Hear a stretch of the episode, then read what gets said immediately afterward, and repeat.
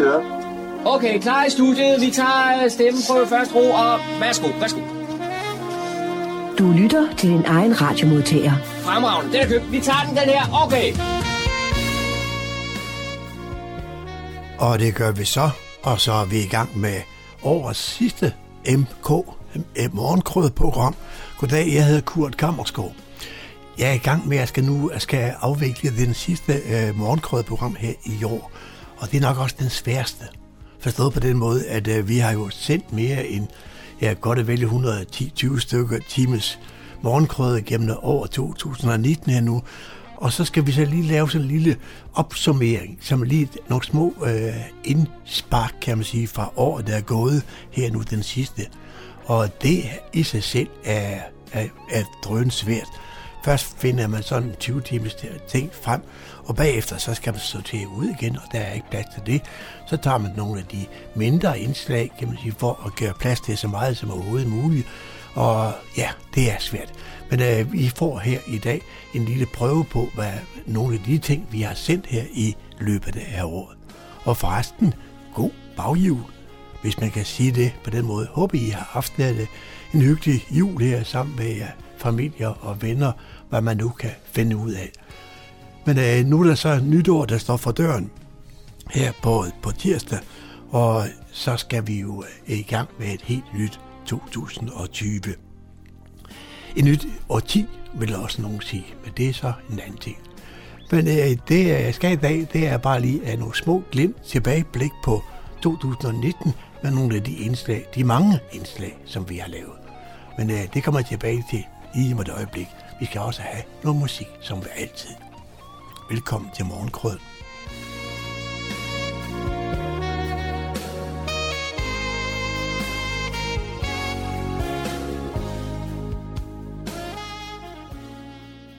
Vi starter vores tilbageblik faktisk i 2018, forstået på den måde, at det var nytårsaften, øh, sådan omkring med femtiden. Vi gik en tur på Storkro, fordi der skulle lægges op til den helt store nytårstale op fra øh, Fredensborg Slot, hvor hendes majestæt dronning skulle holde nytårstalen. Men øh, som sagt, først på Storkro. Nytår skal jo også fejres med kransekage, plejer man gerne at sige. Og vi er på Storkro i øjeblikket. Jeg står sammen med Jasmin og Emil. Dermed de er mere kendt for den store bagedyst. Men øh, nu snakker vi jo om kage, øh, kransekage. At det her, det er ikke den slags kransekage, jeg plejer at spise. Øh, hvor i ligger forskellen? Jeg tror bare, at vi har givet den lidt ekstra. Det er jo en kransekage, som er sådan en altså cirkelformet, og indeni er der så kirsebær og appelsin. Bare for at give dem lidt ekstra. Okay. Men altså, men altså øh, kan man sige, den, den oprindelige øh, kransekage er, er der ikke også i det her bare. Der, det er bare pyntet lidt mere op. Ja, der er bare lidt ekstra på, og så er der en lille, en lille mørdejsbund med lakrids og appelsin i de to forskellige. Nu skal, nu skal dronningen jo holde tale her i aften, og det er absolut det, det kan man sige, det er at trække flest tv-seere. Men I ligger vel i bund og grund for jeres deltagelse i bagdysten som nummer to. Ikke? Gør ikke det? Ja, mit det er vildt, at der er så mange, der ser med, og det er fedt, at øh, folk de har lyst til at se med og se, uh, se vores passion og se, hvad vi, hvad vi gør os umage med. Men, men det må da også være, det må være svært, fordi uh, nu her i dag, kan jeg se her på Storkro, mange mennesker kommer hen og tager billeder af jer. I er blevet, er I blevet sådan nogle små superstars, eller hvad? det ved jeg ikke, men der er i hvert fald mennesker, som har en holdning til os, og er blevet glade, eller altså, har, har, ja, har følelser omkring det, vi har lavet. Det er jo vildt dejligt. Men det, det I går og laver, når I, I laver tv, ikke også? Det er jo ikke noget, som også som almindelige mennesker kan lave det hjemme. Det er jo noget, I har øvet på. Det er ikke, I, går bare, I går ikke ind for gaden og laver det, vel? Ja, altså jeg gør nok mere, end Emil gør. Jeg kunne ikke nå at øve så meget, så derfor så var mit ikke lige så øvet. Så det, der, men der, det kan man jo også se, hvor, hvor fuldstændig gennemtænkt Emil er. Og mit var nogle gange lidt mere rodet. Så... Ja. Emil, hvorfor altså, øve? Nu, nu siger hun øve. Hvor meget øver du op til sådan et, en optagelse i tv? Jeg øvede rigtig, rigtig meget. Øh, det var sådan noget med at stå op klokken 7 om morgenen og gå i seng klokken 2 om natten, og så bage bare derimellem. Så altså, det var hårdt, men, øh, men det var sjovt. Hvad så? Kom din mor så bagefter og rydde op efter dig, eller hvad? Jeg fik, jeg fik rigtig god hjælp af mine forældre, øh, men, øh, men jeg tog også noget selv. hvad, jamen nu er, er det jo snart forbi, ikke også, med, med stor bagdyst. Så er, er der jo noget, en fremtid, der, der venter. Hvad, hvad betyder det for jer to, I er være med i de programmer her? Altså, det betyder noget eksponering, tænker jeg. Så måske bliver det, hvad det bliver lettere for Emil at, at gøre det, han vil, og måske også lettere for mig, fordi at, at folk ved, hvem man er, når man kommer og, og siger hej. Hvad er det så, I gerne vil? Jeg, jeg, er jo, jeg vil jo rigtig gerne min musik og min blog. Okay. Så det laver jeg. Altså, jeg bager på bloggen også, men ja, det er det, jeg har mest gang i. Hvad med dig, Emil? Hvad er din fremtid, som du lige ser den her nu? Det ved jeg simpelthen ikke. Jeg går i gymnasiet og har travlt med det, men, øh, men bagefter så vil jeg gerne lave et eller andet kreativt. Om det så skal være kage eller scenografi eller sådan noget, det ved jeg ikke, men det, det må tiden vise. Har, har du, de har også konditor her på Store Krog, går jeg ud fra, ikke også? Har, har han været oppe og kigge på jeres resultater her? Det er jeg faktisk ikke sikker på. Der har været et par stykker forbi, øh, og vi synes jo bare, det er hyggeligt, at der er nogen, der kigger med. Ja. Øh, ja. Men øh, det kunne godt være, at øh, I kunne give ham en par tips, eller I måske kunne få et par tips for ham. Ja, det er også der skal have ja. tipsene. ja, ja de, de er så dygtige, dem her. Så, øh. ja, jeg var lige ude og smage noget af det, de lavede. Det er virkelig godt. Ja, okay. så I kan godt blive inspireret, kan man sige, af ting, vi får heroppe. Ja, nu stod jeg lige og fik lov til at smage på en af nytårsdesserterne, vi har, som er en chokolademus, hvor man sådan, så bliver man jo vildt inspireret. Øj, den her er virkelig blød. Hvordan man de har fået den så blød? Eller sådan, altså, helt sikkert. Ja, det, er, det er gensidig inspiration, man får heroppe. Jo. Ja. Kan I have en rigtig godt nytår? En fin måde. Godt nytår. Godt nytår.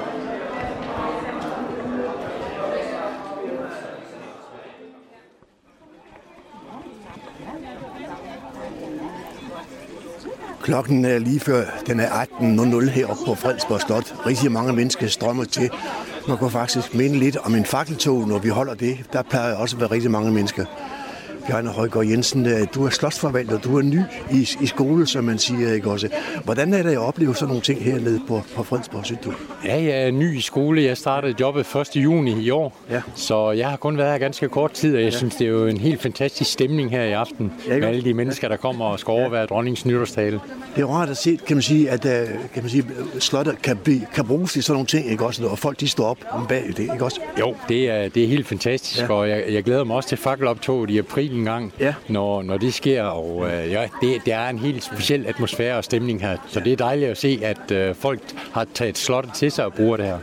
Nu er du jo, som du selv siger, ny i skole, ikke også? Og, eller i går, eller hvad man nu kalder det, ikke ja. også? Sige, jamen, øh, det at komme til, til Nordsjælland, jeg ved, du kommer fra de jyske, ikke også? Jo, jeg er sønderjyde. Ja. Jeg er født syd for Haderslev og har boet i Christiansfeldt øh, siden 1961. Ja.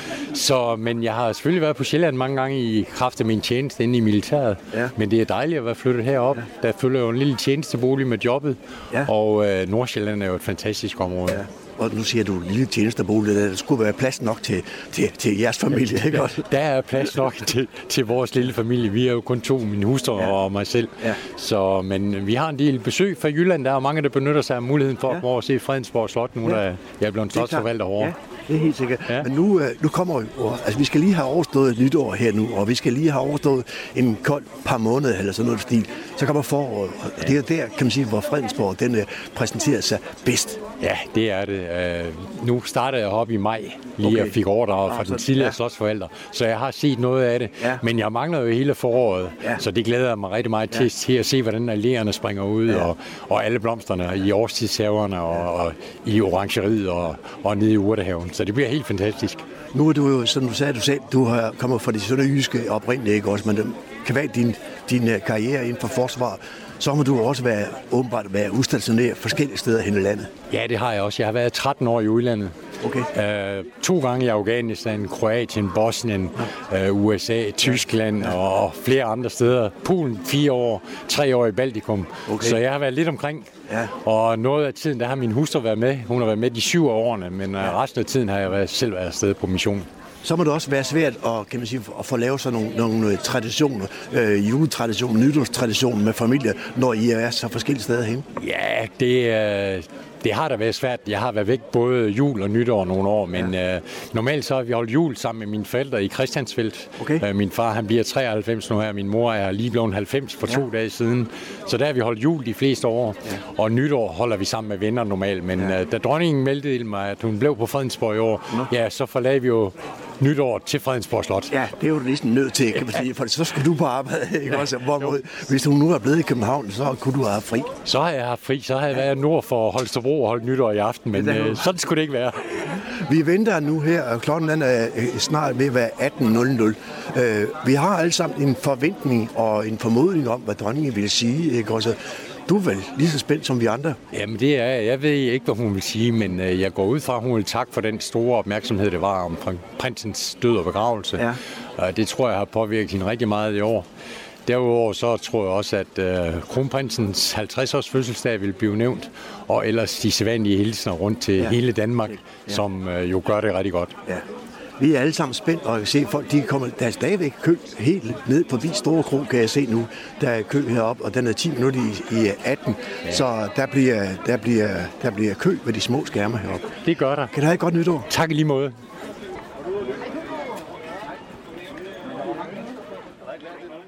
Det var så slotforvalteren, vi fik en samtale med lige før dronningen skulle holde tale. Efter talen, ja, der var der jo mange mennesker, der var oppe på slottet, og vi fik også en, en lang snak med op til flere personer op. Det hele blev jo dækket af to tv-stationer, og der sad nogle øh, studieværter der og trådte vandet i rigtig mange timer. Vi fik en snak lige med nogle af dem, inden de gik hjem til sig selv.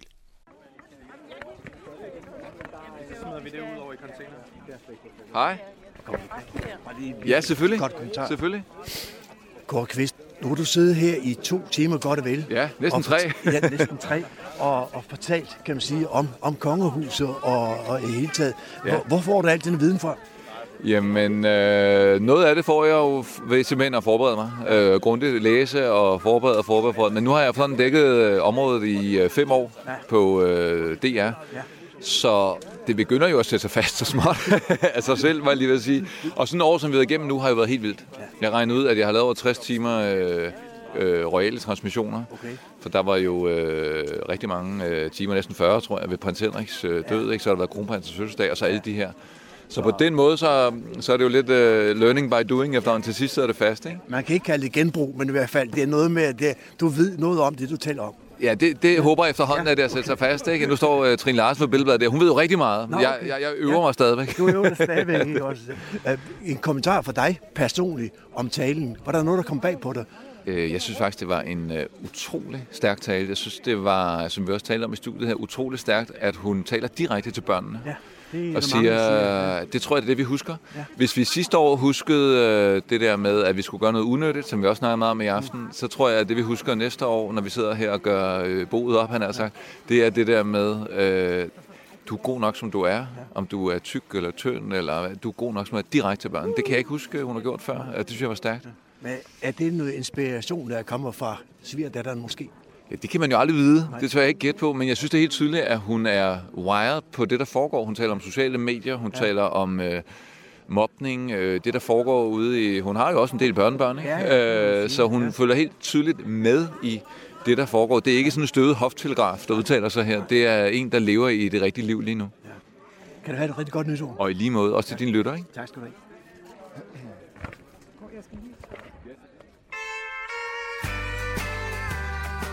Voksen lokal radio til hele Nordsjælland fra Radio Hundeborg. Værsgo. Tusind tak. Tak, og godt nytår. Ja. Goddag her. Stefanie, Hvor er du fra? Øh, jeg kommer fra lokalradioen her i Fredensborg. Ja. Stefanie, øh, tre timer uden at få en smøg. Ja. Jeg se, du har... Hvordan er det? Jamen, jeg er jo vant til det. Øh, så jeg har som regel lige rådet af, inden vi går på. Ja. Og så sidder jeg undervejs og banner over, at øh, ja. jeg ikke har holdt mit sidste rygestop. Ja. Fordi det ville være så utrolig meget lettere. Ja. Og så går jeg af, og så tager jeg en stille cigaret din uh, normale job, det er, du, du er jo normalt over det hele, ikke også, ja. Royal stof, er det noget, noget, der står dig meget nær? Det er noget, jeg dækker, tror jeg egentlig. Det er aldrig noget, jeg sådan har, øh, har dækket fast. Jeg har været 10 år på politikken uden øh, rigtig at skrive om kongehuset. Så lavede jeg en bog med øh, prins Henrik, som jeg faktisk lavede i et andet udgangspunkt end som sådan kongehuset, men som var, jeg var så nysgerrig på det her kulturmøde ja. mellem franskmanden Henri ja. og vi danskere. Og det havde jeg også en personlig interesse i, fordi jeg selv er halv fransk. Så for mig er den bog, jeg lavede om og med prins Henrik, meget mere en bog om et kulturmøde i virkeligheden. Jeg håbede, da jeg skrev den, at republikanere og tilhængere af kongehuset og folk, der er fuldstændig ligeglade, alle sammen ville kunne synes, at de lærte et eller andet af den bog. Så jeg tror meget, det er de briller, jeg også har på i forhold til kongestoffet, at jeg synes, det er vanvittigt interessant, både kulturelt set og historisk set. Men ja, du, du kommer jo også, du er kommet på den måde med bogen tættere på den, ikke også? Tættere på prins Henrik i tid. Det gjorde du jo meget. Ja, det, ja, altså vi samarbejder om bogen i to år, så uden at jeg på nogen måde blev øh, privat med ham, mm. øh, så havde vi jo et, et enormt fint samarbejde, som jo havde en... Øh, som jo nogle gange, jeg vil ikke sige, det var privat, men det var personligt, fordi når et menneske deler sin livshistorie, så kommer man både gennem alt det gode og flotte og glitterstats, men man kommer også gennem de svære øh, tidspunkter i ens liv. Det valgte han jo at fortælle om at dele. Nu, det var ikke så meget, øh, hendes majestæt dronningen, hun øh, omtalte andet end det, den opbakning, hun havde fået i forbindelse med prins Henriks begravelse, bortgang begravelse. Men øh, alligevel så kom det lidt, det lidt med, og så sættes det her med børnene. Hvad siger du til det? Jeg øh, var ret vild med, at øh, dronningen laver en direkte henvendelse til børnene. Man kunne også se her på Slotspladsen på Fredensborg, jeg vendte mig om, da hun gjorde det, og man kunne se, at der var masser af mennesker kigge på ungerne. De kiggede jo med store øjne. Der blev talt direkte til dem. Det virkede. Øh, og jeg synes, det hun mindede børnene om, er godt. Det er ved Gud og sådan noget, vi voksne kan lære noget af. Ja. Det handler ikke om, hvordan du ser ud, eller hvad du har opnået. Det handler om, hvem du er, og hvordan du er over for andre. Det er vigtigt for børn at huske på. Det er godt nok også vigtigt for dig, og for mig, og for alle andre voksne. Sådan er det jo. Men vi får, vi får altid nogle små hit, ikke også, som vi går og tænker lidt over, ikke også. Det har været en kold aften i aften. Øh, du har en lille pels på, ikke? Jeg har jo ikke sige en lille skid på, bjørn på. ikke nu. Nej, nej, ikke nu. Så jeg vil sige godt nytår. Tak for, Tusind tak, og godt nytår. Tak skal du have. God arbejdsløs. Jeg har dit shit. Radio Humleborg, Fredensborg, Lokalradio på 104,3 MHz. Fredag den 4. januar var der reception i Humlebæk-hallen i anledning af, at hallen netop er fyldt 50 år. Hallen blev indvidet den 28. december 1968. Så står jeg sammen med fødselsdagsbarnets formand, nemlig Lars Lacour. Og Lars, du har lige holdt en, en tale, og desværre gik jeg glip af starten. Det kunne være, at du lige kunne give mig lidt af talen. Det kan jeg godt. Øh, det er sådan, at jeg startede lige med, med, med sådan lige kort at sige, hvad var baggrunden for hallen, og hvem byggede den. Og det, der var min pointe, øh, det var, at øh, dem, der byggede, også havde ejerskab til den, for det var dem, der skulle bruge hallen bagefter. Og i starten var det også dem, der passede på hallen, var formand og kasserer, og, og i det hele taget var bestyrelse. Og øh, så sagde jeg lidt om, at vi havde været udfordret, både på den ene og på den anden led, men vi havde et nøgleord, der hed stabilitet. Og for mig er stabiliteten, det er menneskene, der er inde i hallen, og ikke øh, de ting, man har gjort ved hallen, for at få op til dagens standarder og krav med byggereglementer og lignende. Men, men det er de mennesker, der er inde i, der kitter den sammen og holder det hele sammen. Og så vidt jeg har forstået, så har hallen aldrig rigtig stået tom. Nej, hallen har aldrig stået tom. Øh, altså historisk set, det var den første halv i kommunen jo. og jeg kan huske, jeg har selv været med til at træne frem til klokken midnat. Det gør man ikke i dag. Nu slutter aktiviteterne her klokken 22, men, men jeg har selv været med til at træne frem til klokken 24, hvorefter at vi så gik ind og hyggede i kafeteriet og kom i seng klokken 1. Det var lidt hårde tider, men vi var også noget yngre dengang. og, og hvor længe har du været formand for handen her? Det har jeg, det har jeg været i godt 10 år nu.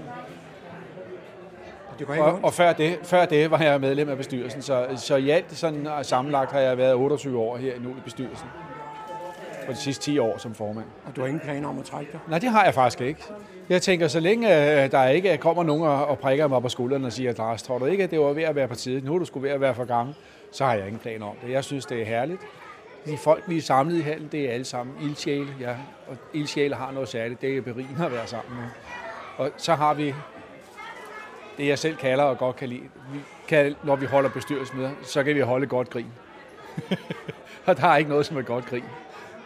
Ved receptionen var der et par taler. Vi giver først ordet til borgmester Thomas Lykke Pedersen. Ja, for nu der ikke skal være fuldstændig noget tvivl om, hvor byrådet står i den her sag, så er der jo fuld opbakning til Humlebækhallen. Det har der faktisk altid været i den tid, jeg kan erindre. Vi står i øh, kommunens ældste idrætshal. Og øh, Erik Østergaard fortalte mig, at der var indvielse den 28. december 1968. Dengang byggede man mange rundbuehaller rundt om i landet. Og man kan sige, at det arkitektoniske udtryk, det kan man jo altid diskutere. Det synes jeg ikke er så vigtigt. Nej, det, jeg synes, der er vigtigt, det er alt det, Humlebæk-hallen udtrykker i sin tilblivelse og i sin historie, som Lars også har været inde på. Øh, jeg tror, at alle her i dag ved, at en stor del af handel egenhændigt blev bygget af entreprenante borgere og sportsudøvere. De borgere, og en del af jer er her også i dag, tog selv hammer og skov i hånden og gik i gang. Hvis man ville have en halv dengang, ja, så man, man skulle selv bygge den. Sådan er det. Som et fælles projekt, og det gjorde man så. I dag er det jo lidt anderledes, vil jeg sige. Ikke fordi kommunen gav også lidt penge til, øh, til Humlebækhallen. Og jeg lader mig fortælle, at øh, foreningerne også bidrog med midler til opførelsen af Humlebækhallen. Aftalen var, at kommunen, øh, foreningerne bidrog med arbejdskraft for 100.000 kroner og med 30.000 kroner til materialer, og resten kom kommunen så med.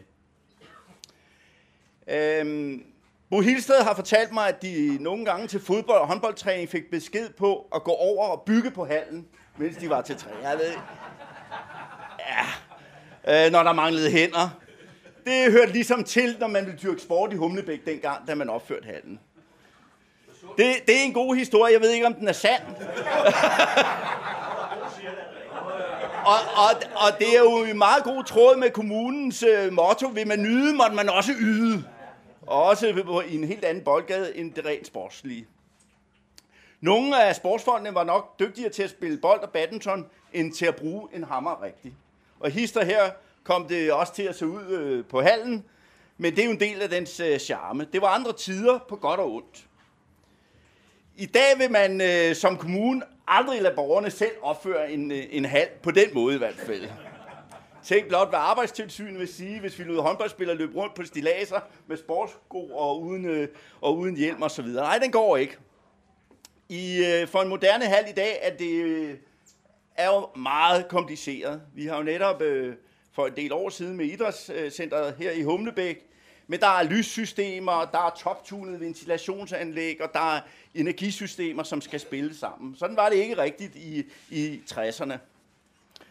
Øhm, nogle af de centrale personer, som, øh, som har været med til at opføre hallen, og der er jo mange, men nogle af det er Tage Christensen, Ole V. Jensen, Werner Jensen, og min gamle håndboldtræner, Hans E. Damsgaard, var også med. Og ja, Kvik Humlebæk hed det jo dengang af håndboldklubben. Vi fik jo også øh, et Danmarksmesterskab, flere Danmarksmesterskaber dengang, og det er nogle af det blev jo også spillet her i, i hallen. Hallen blev en kæmpe succes for lokalsamfundet. Alle jer, der har været med til at bidrage, skal i dag have en rigtig stor tak. Og den har jo indskrevet sig i flere generationers idrætsliv her i, by, her i byen og det tilhørende sociale liv. Så det er i høj grad velfortjent, som Lars også var inde på, at vi fejrer Humlebækhallen. Og øh, jeg synes også, at vi skal slutte af med tre korte og et langt hurra for Humlebækhallen. Humlebækhallen, længe leve! Hurra! Hurra! Hurra! Og så det lange. Skål!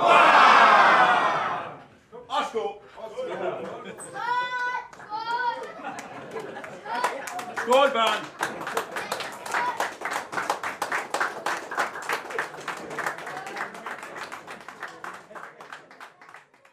Vi var også øh, i løbet af øh, januar måned til nytårskoncert nede i Niveau med Niveau Big Band. Det fortæller John Marco mere om. Søndag den 27. januar afholdt Niveau Big Band sin årlige nytårskoncert i Teatersalen i Niveau. Orkestret ledes af dirigenten Anders Jacobsen.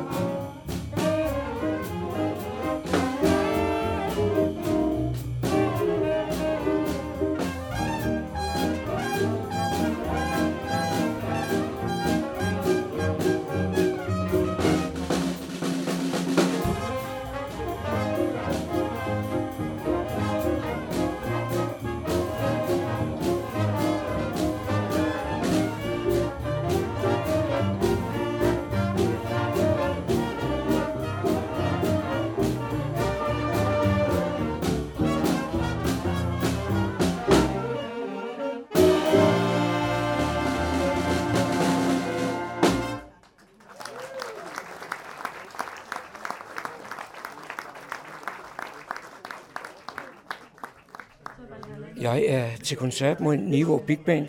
Det er den årlige nytårskoncert. Og her står jeg sammen med formanden for Big Bandet, Lars Tjernes. Hvad har I på repertoireet til i dag? Oh, vi har mange dejlige øh, swing-numre fra de gyldne jazztider, og vi har også et enkelt uh, hvad hedder det, latinamerikansk nummer med, som vi skal fornøje publikum med i dag. Og så har I fået en ny sanger, var jeg lige ved at sige. Nej, I har fået to sanger med. Sidste år havde I kun én. Ja, ja øh, i år er det øh, to øh, unge damer fra Humlebæk, øh, Rebecca og Sofia, som er solister på vores øh, nummer i dag. Så det er noget nyt, vi prøver, hvor vi hidtil har haft en solist på de andre år.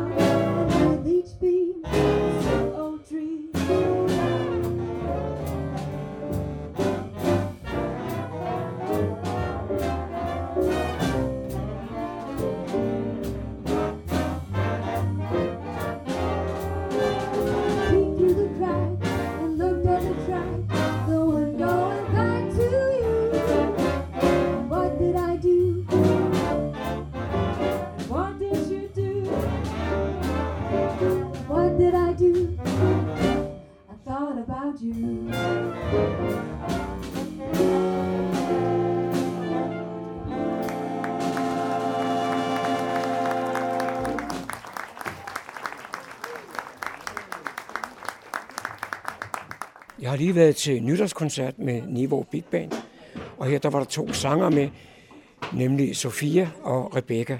Og øh, Sofia, hvor længe har I egentlig sunget sammen? Det er mange år efterhånden, tror jeg. Altså helt tilbage i 7. klasse, så det er vel sådan seks år siden eller sådan noget, vi begyndte at synge til kor sammen, og så har vi senere sunget et mindre ensemble, og bare været glade for at, at synge sammen. Det har været, ja, en god proces. Og så Rebecca, så forstår jeg, at øh, det er noget nyt for jer at synge jazz. Øh, nej, det, det er det faktisk ikke. Vi har haft den samme sanglærer gennem alle årene, øh, og hun har bare givet os vildt meget jazz. Øh, så det har vi sunget rigtig meget, men vi har aldrig sunget med et big band før, så det er noget helt nyt. Øh, og det har været virkelig sjovt at prøve, synes jeg. Det betyder så, at det er jeres første offentlige koncert med big band? Ja, det, det, det må man nok sige, det er, ja.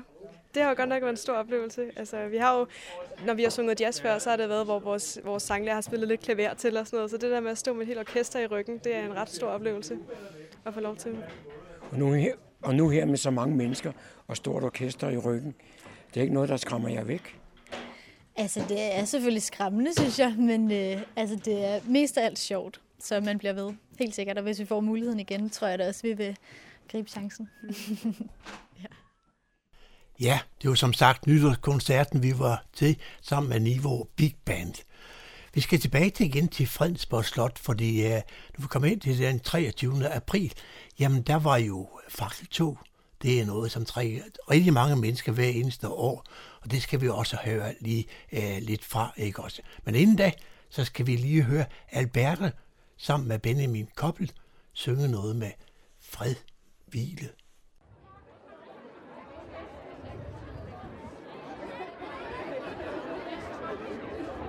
Deres majestæt, det er mig en stor glæde på byens og kommunens vegne at ønske deres majestæt et rigtig dejligt forår her på Fredensborg Slot. I Fredensborg ser vi altid med længsel frem til denne aften, som er så stærk en tradition, og som er forbundet med så mange gode minder fra alle årene. Nogle af os har minder med fakkeltog, som rækker mange år tilbage. Nogle er måske med for første gang i dag, men uanset om man er ny eller gammel i den her sammenhæng, så tror jeg, at vi alle sammen lige nu står med en god fornemmelse af, at vores fakkeltog her i Fredensborg er stærkt vanedannende. Fordi den særlige stemning og den særlige oplevelse af nærvær og fællesskab, ja, den får man altså ikke andre steder i landet. Det tør jeg godt skrive under på. Og derfor lever de bedste traditioner altid videre, som de skal. En anden dag med stærke traditioner er jo den 31. december, nytårsaftens dag. Denne gang vågede vi pelsen og lagde grundstenen til en ny tradition. Det gjorde vi med et stort motionsløb for hele familien. Vi kalder det Tour de Fredensborg. Og det kom godt fra start.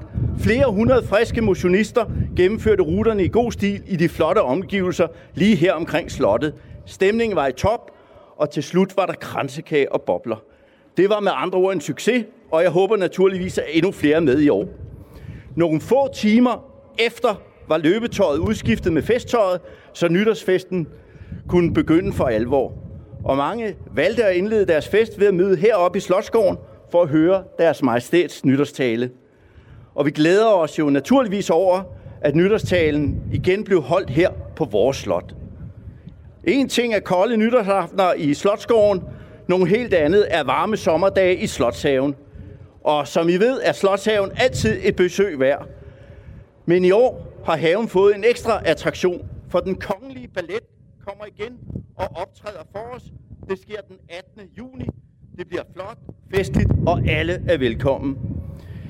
Jeg foreslår, at vi nu afrunder denne særlige smukke aften med at udbringe et nifoldigt, og jeg gentager, et nifoldigt leve for hendes majestæt, dronning Margrethe. Hendes majestæt, dronningen, ligge leve! Hurra! Hurra! Hurra! Hurra! Hurra! Hurra! Hurra! Hurra! Hurra!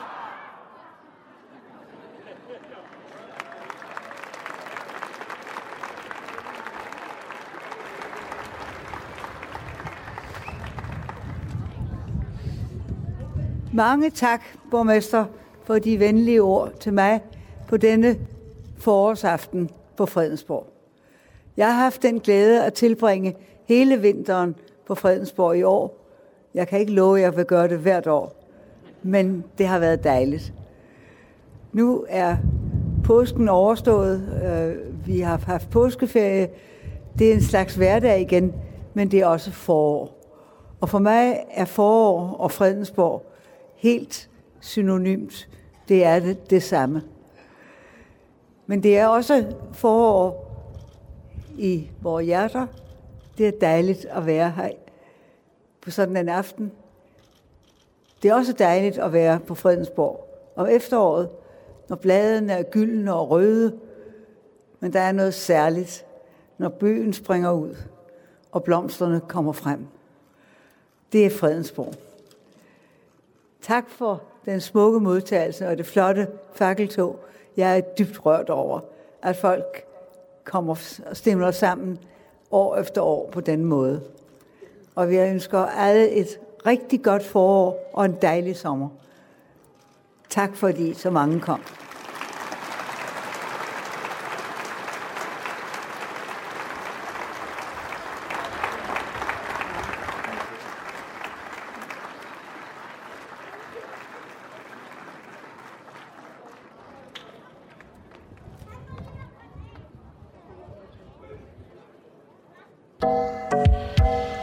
Til morgenkrydderen. Ja, som det vist fremgik af indslag op fra fakkeltog af, så blæste det en hel del den aften. Man kan næsten sige, at det var en kugle fra nordvest. Det er i hvert fald det, som Annemette Elten og Otto Brandenborg, de skal synge om her nu. Og derefter så skal vi en tur på Mikromejeri sammen med John Marco. Jeg står her på Hørsomvej i Humlebæk og er gået ind i Humlebæk Mikromejeri. Og så møder jeg indhæveren Brian Nørtoft. Og Brian, et af de sikre tegn på forår, og det snart er sommer, det er, at der her i weekenden, eller i hvert fald om søndagen, er åbent. Ja, det er korrekt. Vi startede øh, sæsonen, hvis man kan sige sådan, i øh, påsken, og havde rigtig godt besøg. Og så fortsætter vi så her fremadrettet ind til sommerferien med at have åbent hver søndag. Og åbningstiden er mellem, øh, mellem kl. 10 og 16 hver søndag. Der kan man komme og smage vel nok Danmarks bedste flødeis og Danmarks bedste skærost. Ja, nu siger du flødeis. Jeg så, du havde sat vaflen ud. Det får du familier med børn til, eller? Jamen, det er både... øh, Det, det er is for, for alle, alle aldersgrupper. Lige fra børn til, til den voksne. Så, så det er, alle, kan, alle kan lide en god flødeis. Måske skulle du fortælle, hvor længe du har haft mikromejeriet her, og hvordan det går med tilslutningen, om der kommer kunder. Jamen, altså mikromejeriet her, har jeg, der, havde, der havde vi officiel åbning øh, for et år siden. Og det blev jo taget godt imod. Men øh, jeg, har, jeg har jo, der hvor jeg sælger min ost, er oppe på Strandvejen i Humlebæk. Og der bruger jeg jo seks dage om ugen. Så, så, så vi, er ikke, vi er ikke kommet i gang med vores mikromejeri med at have åben kun om søndagen. Øh, min forventning er, at vi her i løbet af foråret får, får ansat en medarbejder på, øh, på Strandvejen. Så hvis der er nogen, der hører af det her og kunne tænke sig at blive, øh, blive Danmarks bedste ostesælger, så er de velkommen til at sende en ansøgning. Gå ind på Facebook og, og, og se, der, der har vi et opslag, der ligger. Så, øh, men altså, vi, vi, øh, vi er så godt i gang, som vi synes, øh, at vi kan magt. Så så jeg også i Frederiksborg Amtsavis, øh, de har jo sådan nogle ture ud og besøge forskellige virksomheder, og der er du også kommet med. Ja, det er, jeg kan ikke huske tidspunktet, men jeg tror, det er det her, det er her i sommer, der kommer der, der kommer der en delegation. Øh, det er vi sådan, det er vi sådan startet med, sådan, hvor jeg fortæller om, øh, jeg fortæller om, hvad- hvordan man laver en ost, og, og, og, og vejen til, øh, vejen til øh, det mejeri, vi har i dag. Kom bare ind. Der, der, der er plads til alle sammen. Så øh, nu her faktisk i morgen har vi besøg af FOF. Der kommer 23 mennesker, der skal høre, hvordan man, øh, man, øh, man laver en god ost. Og det vil jeg så forsøge at fortælle helt fra, helt fra bunden af.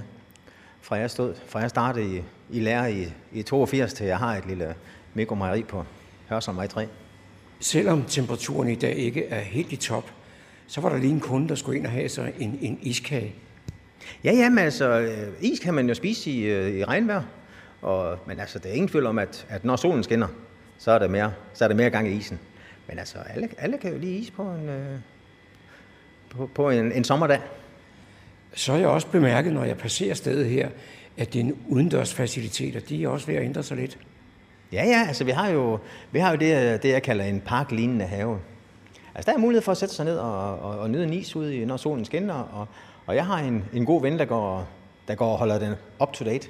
Så øh, vi forsøger der lige så vel som vi, de indre, de indre forhold er i orden, så skal vi de ydre også gerne være, være flot. Og måske så skulle du lige gentage, hvor mikromejeriet det ligger, og hvor din butik ligger.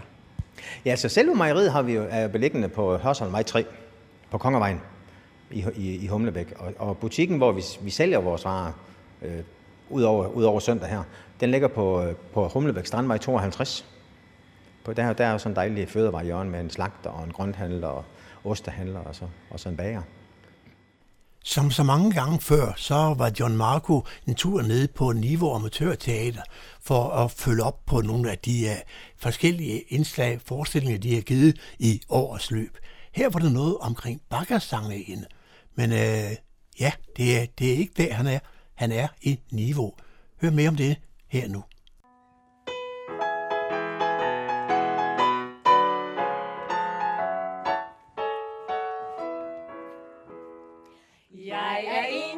Af sangerinder, de fromme kvinder, som nu forsvinder.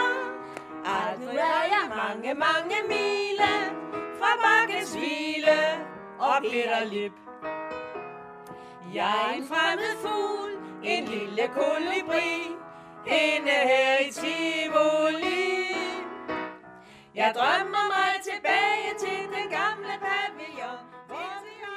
Jeg er taget til Teaterhuset i Niveau, hvor jeg er med til prøverne her på en forestilling omkring bakkesangerinderne. Og så er jeg så heldig, at de tre sangerinder er her, nemlig Marianne Helle og Merete. Og Helle, så vidt jeg ved, så har du haft en finger med i spillet i, i forestillingen her. Ja, vi stod og manglede en øh, hurtig, nem og billig forestilling, kan man sige, øh, her op mod jul, fordi vi jo er et aktivt lille teater, der gerne hele tiden vil, vil, øh, vil komme med noget nyt. Og så tænker jeg, at det var oplagt at tage udgangspunkt i nogle af de kendte og elskede sange ude fra Bakkens Hvile, og skrue en forestilling sammen omkring dem. Og så var der ikke langt fra øh, tanke til handling. Det er let at gå til, det er sjovt og hyggeligt, og det er populært hos publikum. Og så har du fået to veninder med, øh, blandt andet Merete. Øh, Merete, er det noget, du er vant til at synge? Ja, det kan man godt sige. Altså, jeg har været hernede siden øh, 95, så jeg er mest syngepige. Jamen, du er vant til at synge denne type viser? Også det. Jeg har et arbejde, hvor jeg synger rigtig meget, så jo, det er lige mig, det her. Men nu, øh, det repertoire, der er på Bakkens Hvile for eksempel, det er jo lidt anderledes end de viser, vi hører i radioen. Ja, det er rigtigt. Men øh, vi, øh, mig og mig tog ud på bakken og så syngepigerne. Og vi synes, der manglede nogle numre, som de ikke havde med, og det er nogle af dem, vi har taget med i den her. Og Marian, hvad, hvad er det for nummer? Jamen, det er nogle af de øh, gode gamle. Vi var meget overraskede over sådan en som... Øh, hvad fanden er den hedder? Øh, den første Er det øhm, 90'erne? Nej, nej. Øh, Jeg er en af ja, jeg er en af bakkens bakkensangerinder. Den var der ikke. Den allermest ja, den allermest ja. ikoniske. Og vi havde glædet os til at komme ud og skulle sidde og synge med. Men øh, ude på bakken, der har de lavet mange nye tekster. Og der blev Merete og jeg enige om, at vi vil meget gerne være med til at fremme og bevare de gamle sange, så publikum er velkommen til at synge med på det, som de kan hernede. Og det bliver de gode gamle. Sådan var det ikke i 90'erne. Øh, køb blomster, køb blomster, køb blomster øh, glemmer du, glemmer du ja. og alle dem der. Så det glæder vi os til, at det bliver en fest, nogle fe, to festlige dage. Jeg var lidt inde på sangene, e- eller viserne fra, fra Bakkens Hvile, øh, som I har været lidt inde på her også. Så er det jo øh, viser med en vis tradition. Men som regel så er der også altid lidt nye, men der er altid lidt vågede sange. Ja, der er nogle sange, hvor øh, det er godt, vi har så tyk make op på, så man ikke kan se, at vi får lidt røde kinder.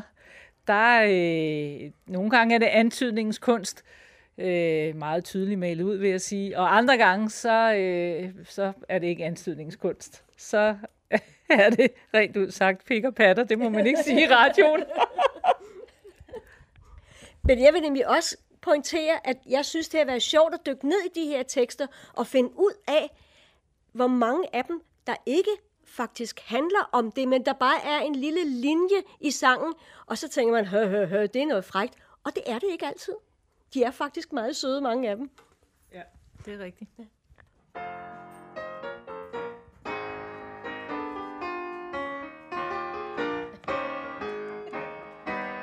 Moderne dages ungdom er fyldt med pjank og fjas.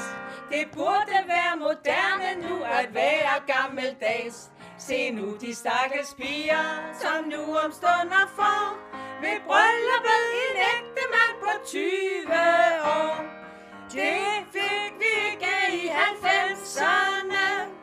Vi måtte tage med tusalemserne. Skilles igen. Nej tak, man var en lydig offer. Nu ved man knapt, hvem der er gift med hvem og hvorfor. Sådan var det ikke i 90'erne. Vi vidste, hvis der var hvemserne. Men en enkelt gang skete det, vi sprang på Tadadadum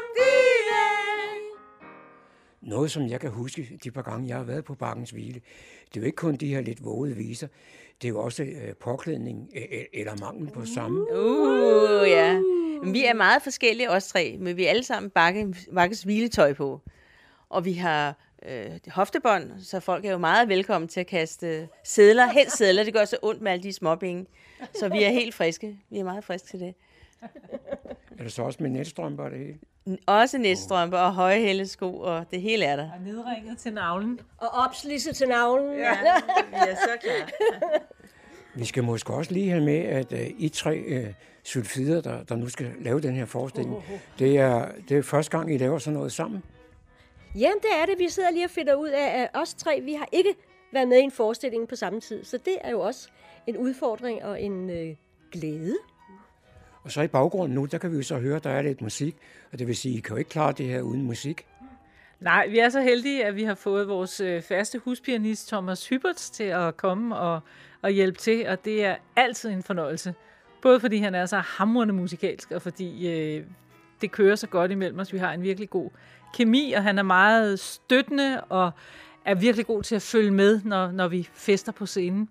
Og så undrer det mig lidt, at øh, I nu laver en forestilling den 2. november og en forestilling den 3. november. Men jeg går ud fra, at forarbejdet til en forestilling, der var to dage, er lige så stort, som hvis den havde varet otte dage. Det kan man godt sige. Vi har øvet et par måneder, men vi har kun øvet derhjemme. Det er faktisk først nu, at det er ved at gå i luften, at vi prøver hernede. Så vi har hverken prøvet med, med tøj nu, eller hele forestillingen, noget som helst. Så vi er lige så spændt som publikum, hvordan det bliver. Er det ikke meget at satse for at lave en forestilling, der kun var to dage? Altså, vi vil hellere lave to forestillinger, og så er de udsolgt, end at lave fem, og så sidder der 25 per, per gang. Ikke? Så det er simpelthen for at fylde huset og få en fantastisk stemning. Og sælge masser af bajer. Helle, for lidt siden, der var vi lidt inde på, at øh, du ligesom er initiativtager. Men så vidt jeg har forstået, så har du ikke været helt alene om at få ideen. Nej, det, her, den, øh, det var faktisk på et bestyrelsesmøde hernede, at, at den opstod sammen med vores formand, øh, Tove von Jessen, som var med på den lige med det samme, og vi kunne godt se os selv i, i sådan en forestilling, men så øh, blev Tove ramt af noget øh, øh akut sygdom, og kunne ikke være med alligevel, men hun er ved at være frisk igen, det var ikke farligt, men det betød i hvert fald, at hun blev nødt til at forlade øh, forestillingen, men, men øh, idémæssigt og med at støve det hele sammen og stykke det sammen osv., det, det har været et par løb, ja. Hvis man nu har planer om at skulle ned og se forestillingen her i Teaterhuset, hvad kan man så gøre? Man kan tre ting. Man kan gå ind på vores hjemmeside, som hedder www.nivoteater.dk. Man kan skrive på niveauteater live.dk. Eller som det tredje, så kan man ringe på telefon nummer 27 12 28 13. Så kan man bestille billetter der. Moderne tiders sprogbrug, synes jeg er alt for stærkt. De nævner ord, som vi kun kan fra et plankeværk. Nu prøver selve skolen et hidtil ukendt fald. De stakkels man skal undervise seksuelt. Det blev vi ikke i 90'erne. Vi måtte have det på fornemmelserne. Men der bliver gjort så mange fremskridt, ja det gør der pigerne i dag. Går rundt i bukser uden skørter, det kunne man ikke i 90'erne. Folk måtte ikke se hemhemserne. Men bachelor uld, vasker pigen fuld af trotter blondine. Bakkesangerinderne kan opleves i Niveau Amatørteater lørdag den 2. november og søndag den 3. november. Begge dage kl. 15. Solskin kan man altid finde, bare der er en, man holder af. Skål! Du har stillet ind på Radio Humleborg, Fredensborgs Lokalradio. Torsdag den 13. juni havde seniorkredsen, der holder til på plejecenter Mærveltoften i Nivå, arrangeret en festlig eftermiddag, i det de havde inviteret de farne svende til at komme og underholde.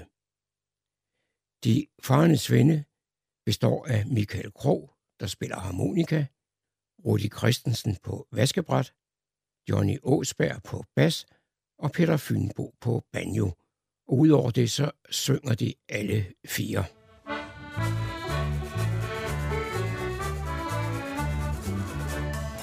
er vi på farten, nu er vi oppe og køre. Vi synger og spiller lidt for jer. Vi startede i morges, det kan I sagtens høre. Vi håber, I vil lytte hver især til os. Ja, vi håber, I vil lytte hver især. Så banjo spiller har vi en mand, som er fra byen. Den cykelpost, vi kender ham så godt. Men en stilling inden for staten har gjort ham noget så dårligt. Men vi har vel en med udlandsspilleri, tror I vel? Nej, vi har vel en med udlandsspilleri. Men nu er vi på farten, nu er vi oppe og kører. Vi synger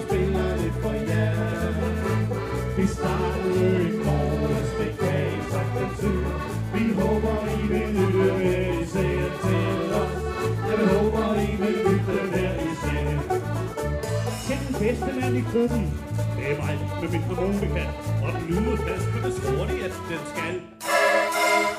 Ventede i frokost, der var det rigtig hurtigt. Nu spiller jeg så det den rene lyst. Nu spiller jeg så det den rene lyst. Nu er vi på farne, nu er vi oppe på køer. Vi synger og stiller vi for jer. Jeg sidder sammen med Peter Fynbo fra De Farne Svende. Og Peter, I er her på Mærveltoften i dag for at optræde. Og øh, det er noget af et repertoire, I har. Ja, det er det, så det har vi jo skabt gennem 30 år. 28. marts 2020 har vi 30 års jubilæum.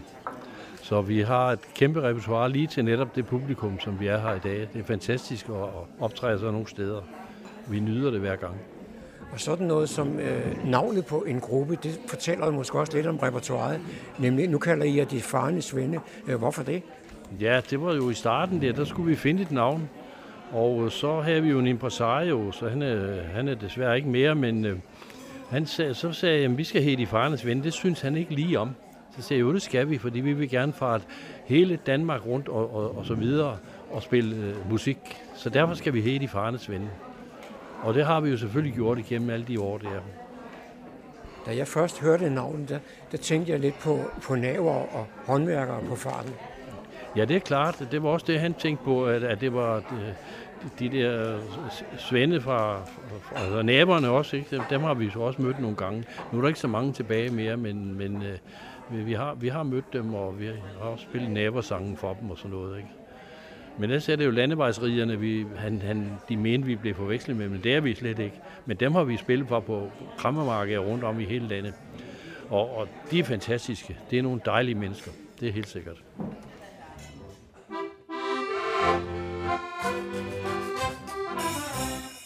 Huset på valsen, nu kravtøj om halse, med stokker med rensdykker på. Aldrig manglede humør, hvor vejen den styrer, og så sævler mig, jeg manglede et tog. Vi fonerede, vi sang fra med pigen, vi tog vi ved os i tog. Vi har været mange steder, vi har haft mange klæder, vi har følt hele verden så hårdt oh,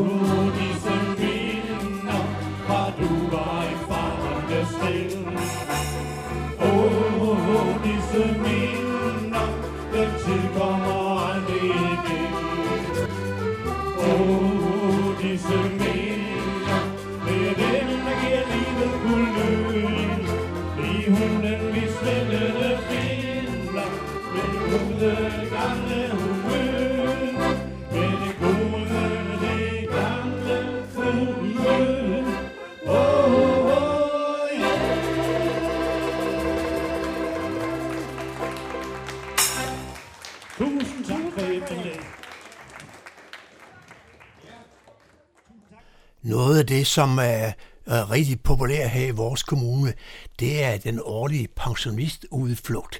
Den foregik her i september måned øh, i, i år.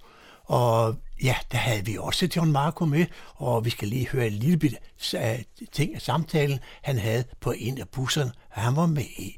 Og det bliver så det, det sidste indslag, vi når fra 2019. Øh, vi kan høre det, I gerne ville, eller hvad kan man sige, vi nåede ikke at fik det hele med, men øh, vi prøver igen næste år. Jeg er med på Fredensborg Kommunes pensionistudflugt, der i år går til Teknisk Museum i Helsingør. Og så er jeg så heldig, at jeg regner ind i en af guiderne, nemlig Pia Bøtger. Pia, det er noget af et arrangement, det her. Det er det, og det er med stor fornøjelse, at jeg deltager i det. Nu har jeg været afsted øh, tre gange her med på turen. Øh, I onsdags var der nu ikke så mange med, der var, var vi kun 100, så det var sådan til at overse, men øh, vi var der alligevel tre busser afsted. Øh, men øh, i dag er vi, jeg tror det er fire busser, der er, der holder derude nu. Så øh, der er der lidt flere i dag, og det er så sidste dag, vi er afsted. Men det er altid en stor succes, og det er også en fornøjelse at være med til, fordi jeg synes, vi har brug for det der lille ekstra pust i hverdagen, og også fortælle kommunens borgere, vores ældre borgere er det jo, at øh, vi sætter pris på dem, og vi gerne vil gøre noget ekstra for dem, og det gør vi så nu med de her skovture. Og, og på vej heroppe i bussen, der fortalte du en hel del om øh, udvikling og det, der skal ske i Fredensborg Kommune i den nærmeste tid. Ja, og det, det er jo også mange spændende ting, ikke, som man måske ikke øh, sådan lige øh, får set, når man bor i Niveau og ved noget om, hvad der foregår i, i Fredensborg. Men det er jo hele vores kommune, som vi er godt i gang med at lære at kende lidt nærmere og, og lidt mere, end vi har gjort før. For det er vores kommune, og det er os, der også er deroppe i Fredensborg. Uagter man bor i Kokkedal eller Niveau eller Humlebæk. Vi, vi er med overalt, øh, så jeg synes, at øh, det er godt, at vi øh, tager den her lille opsummering af, hvad det i grunden er, vi er i gang med de forskellige bydele. Og der er rigtig mange visioner, som I sikkert har hørt i dag, og der kommer jo flere til, at der er hele tiden noget, der bliver fuldt op på, hvad der er sket før, ikke? som vi nu gør lidt bedre. Ikke? Sidste år der indvidede vi jo øh, Egedal ikke? Og med tilbygning, og det er jo blevet et rigtig spændende hus, hvor der også foregår en hel masse nu. Øh, der er altid rift om lokalerne dernede, ikke? og det bliver der så også omkring gymnastikkens hus, øh, som bliver opført dernede i forbindelse med Holmgårdsskolen. Så det er der også rift om, for vi har jo mange dygtige gymnaster i kommunen, som I sikkert ved, ikke? Er nogen, der henter præmier hjem til kommunen og gør os kendt på alle mulige måder. Så det er rigtig godt, at de nu får nogle forbedrede vilkår også øh, på det punkt. Det er så sporten, ikke? Og så noget folk også ser frem til i dag, det er, at vi skal spise frokost på Karlebo Kro. Ja, det er Karlebo Kro, vores gode kro derude i, i Karlebo. Ikke? De er altid øh, med på denne her skovtur. Og næsten ikke. Vi har jo også haft store kro med øh, deroppe i øh, Fredensborg. Men øh, på Karlebo Kro, der er der plads, og der bliver vi taget godt imod, og maden den er jo bare super derude, så, så det er et af højdepunkterne på dagen, det er middagen derude, og så ikke mindst de der præmier, der følger med. Vi har jo sådan en lille lotterispil øh, hvert år, som Grete Tronsegård blandt andet, og nogen fra administrationen samler ind til, de er ude og presse de forskellige virksomheder, og det gør de rigtig godt. Rigtig godt endda, så det er en stor fornøjelse at være med til at dele det ud. Ikke? Folk de bliver så glade, når de går hjem med et par flasker rødvin fra Nordea, eller hvor det nu er fra.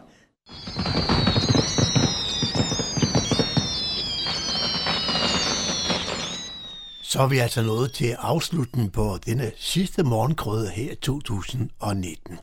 Vi forsøger igen næste år, og det har vi gjort nu her i 32 år altså snart. Også her for redaktionen, og vi er en hel del, i hvert fald tre i hvert fald, så det er Daniel, det er John, og så undertegnet, jeg hedder Kurt. Vi siger tak for året, der er gået, og tak fordi I har lyttet med til de mange forskellige morgenkrøder, vi har sendt her gennem årene. Det var en fornøjelse, og ligesom øh, altid, så kan denne øh, udgave af morgenkrøden genhøres i morgen mandag mellem klokken 18 og klokken 20. Godt nytår, siger vi her fra Radio Hunderborg.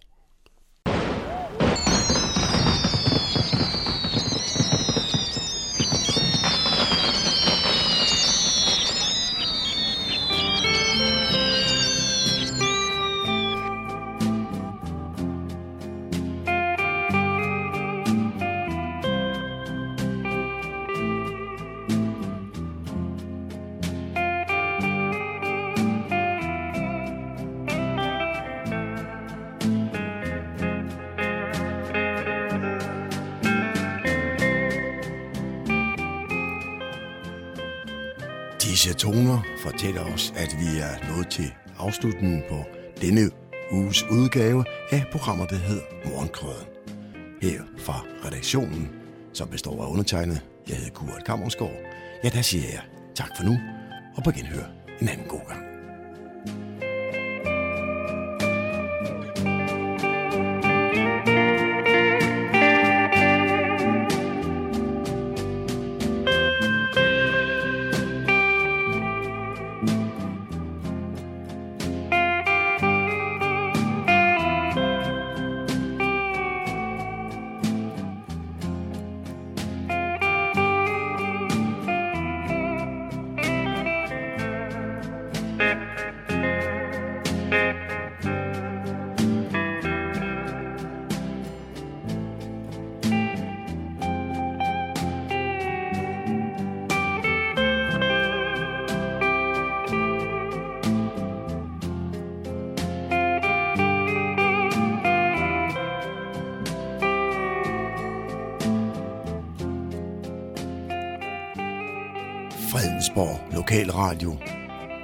Gamleborg.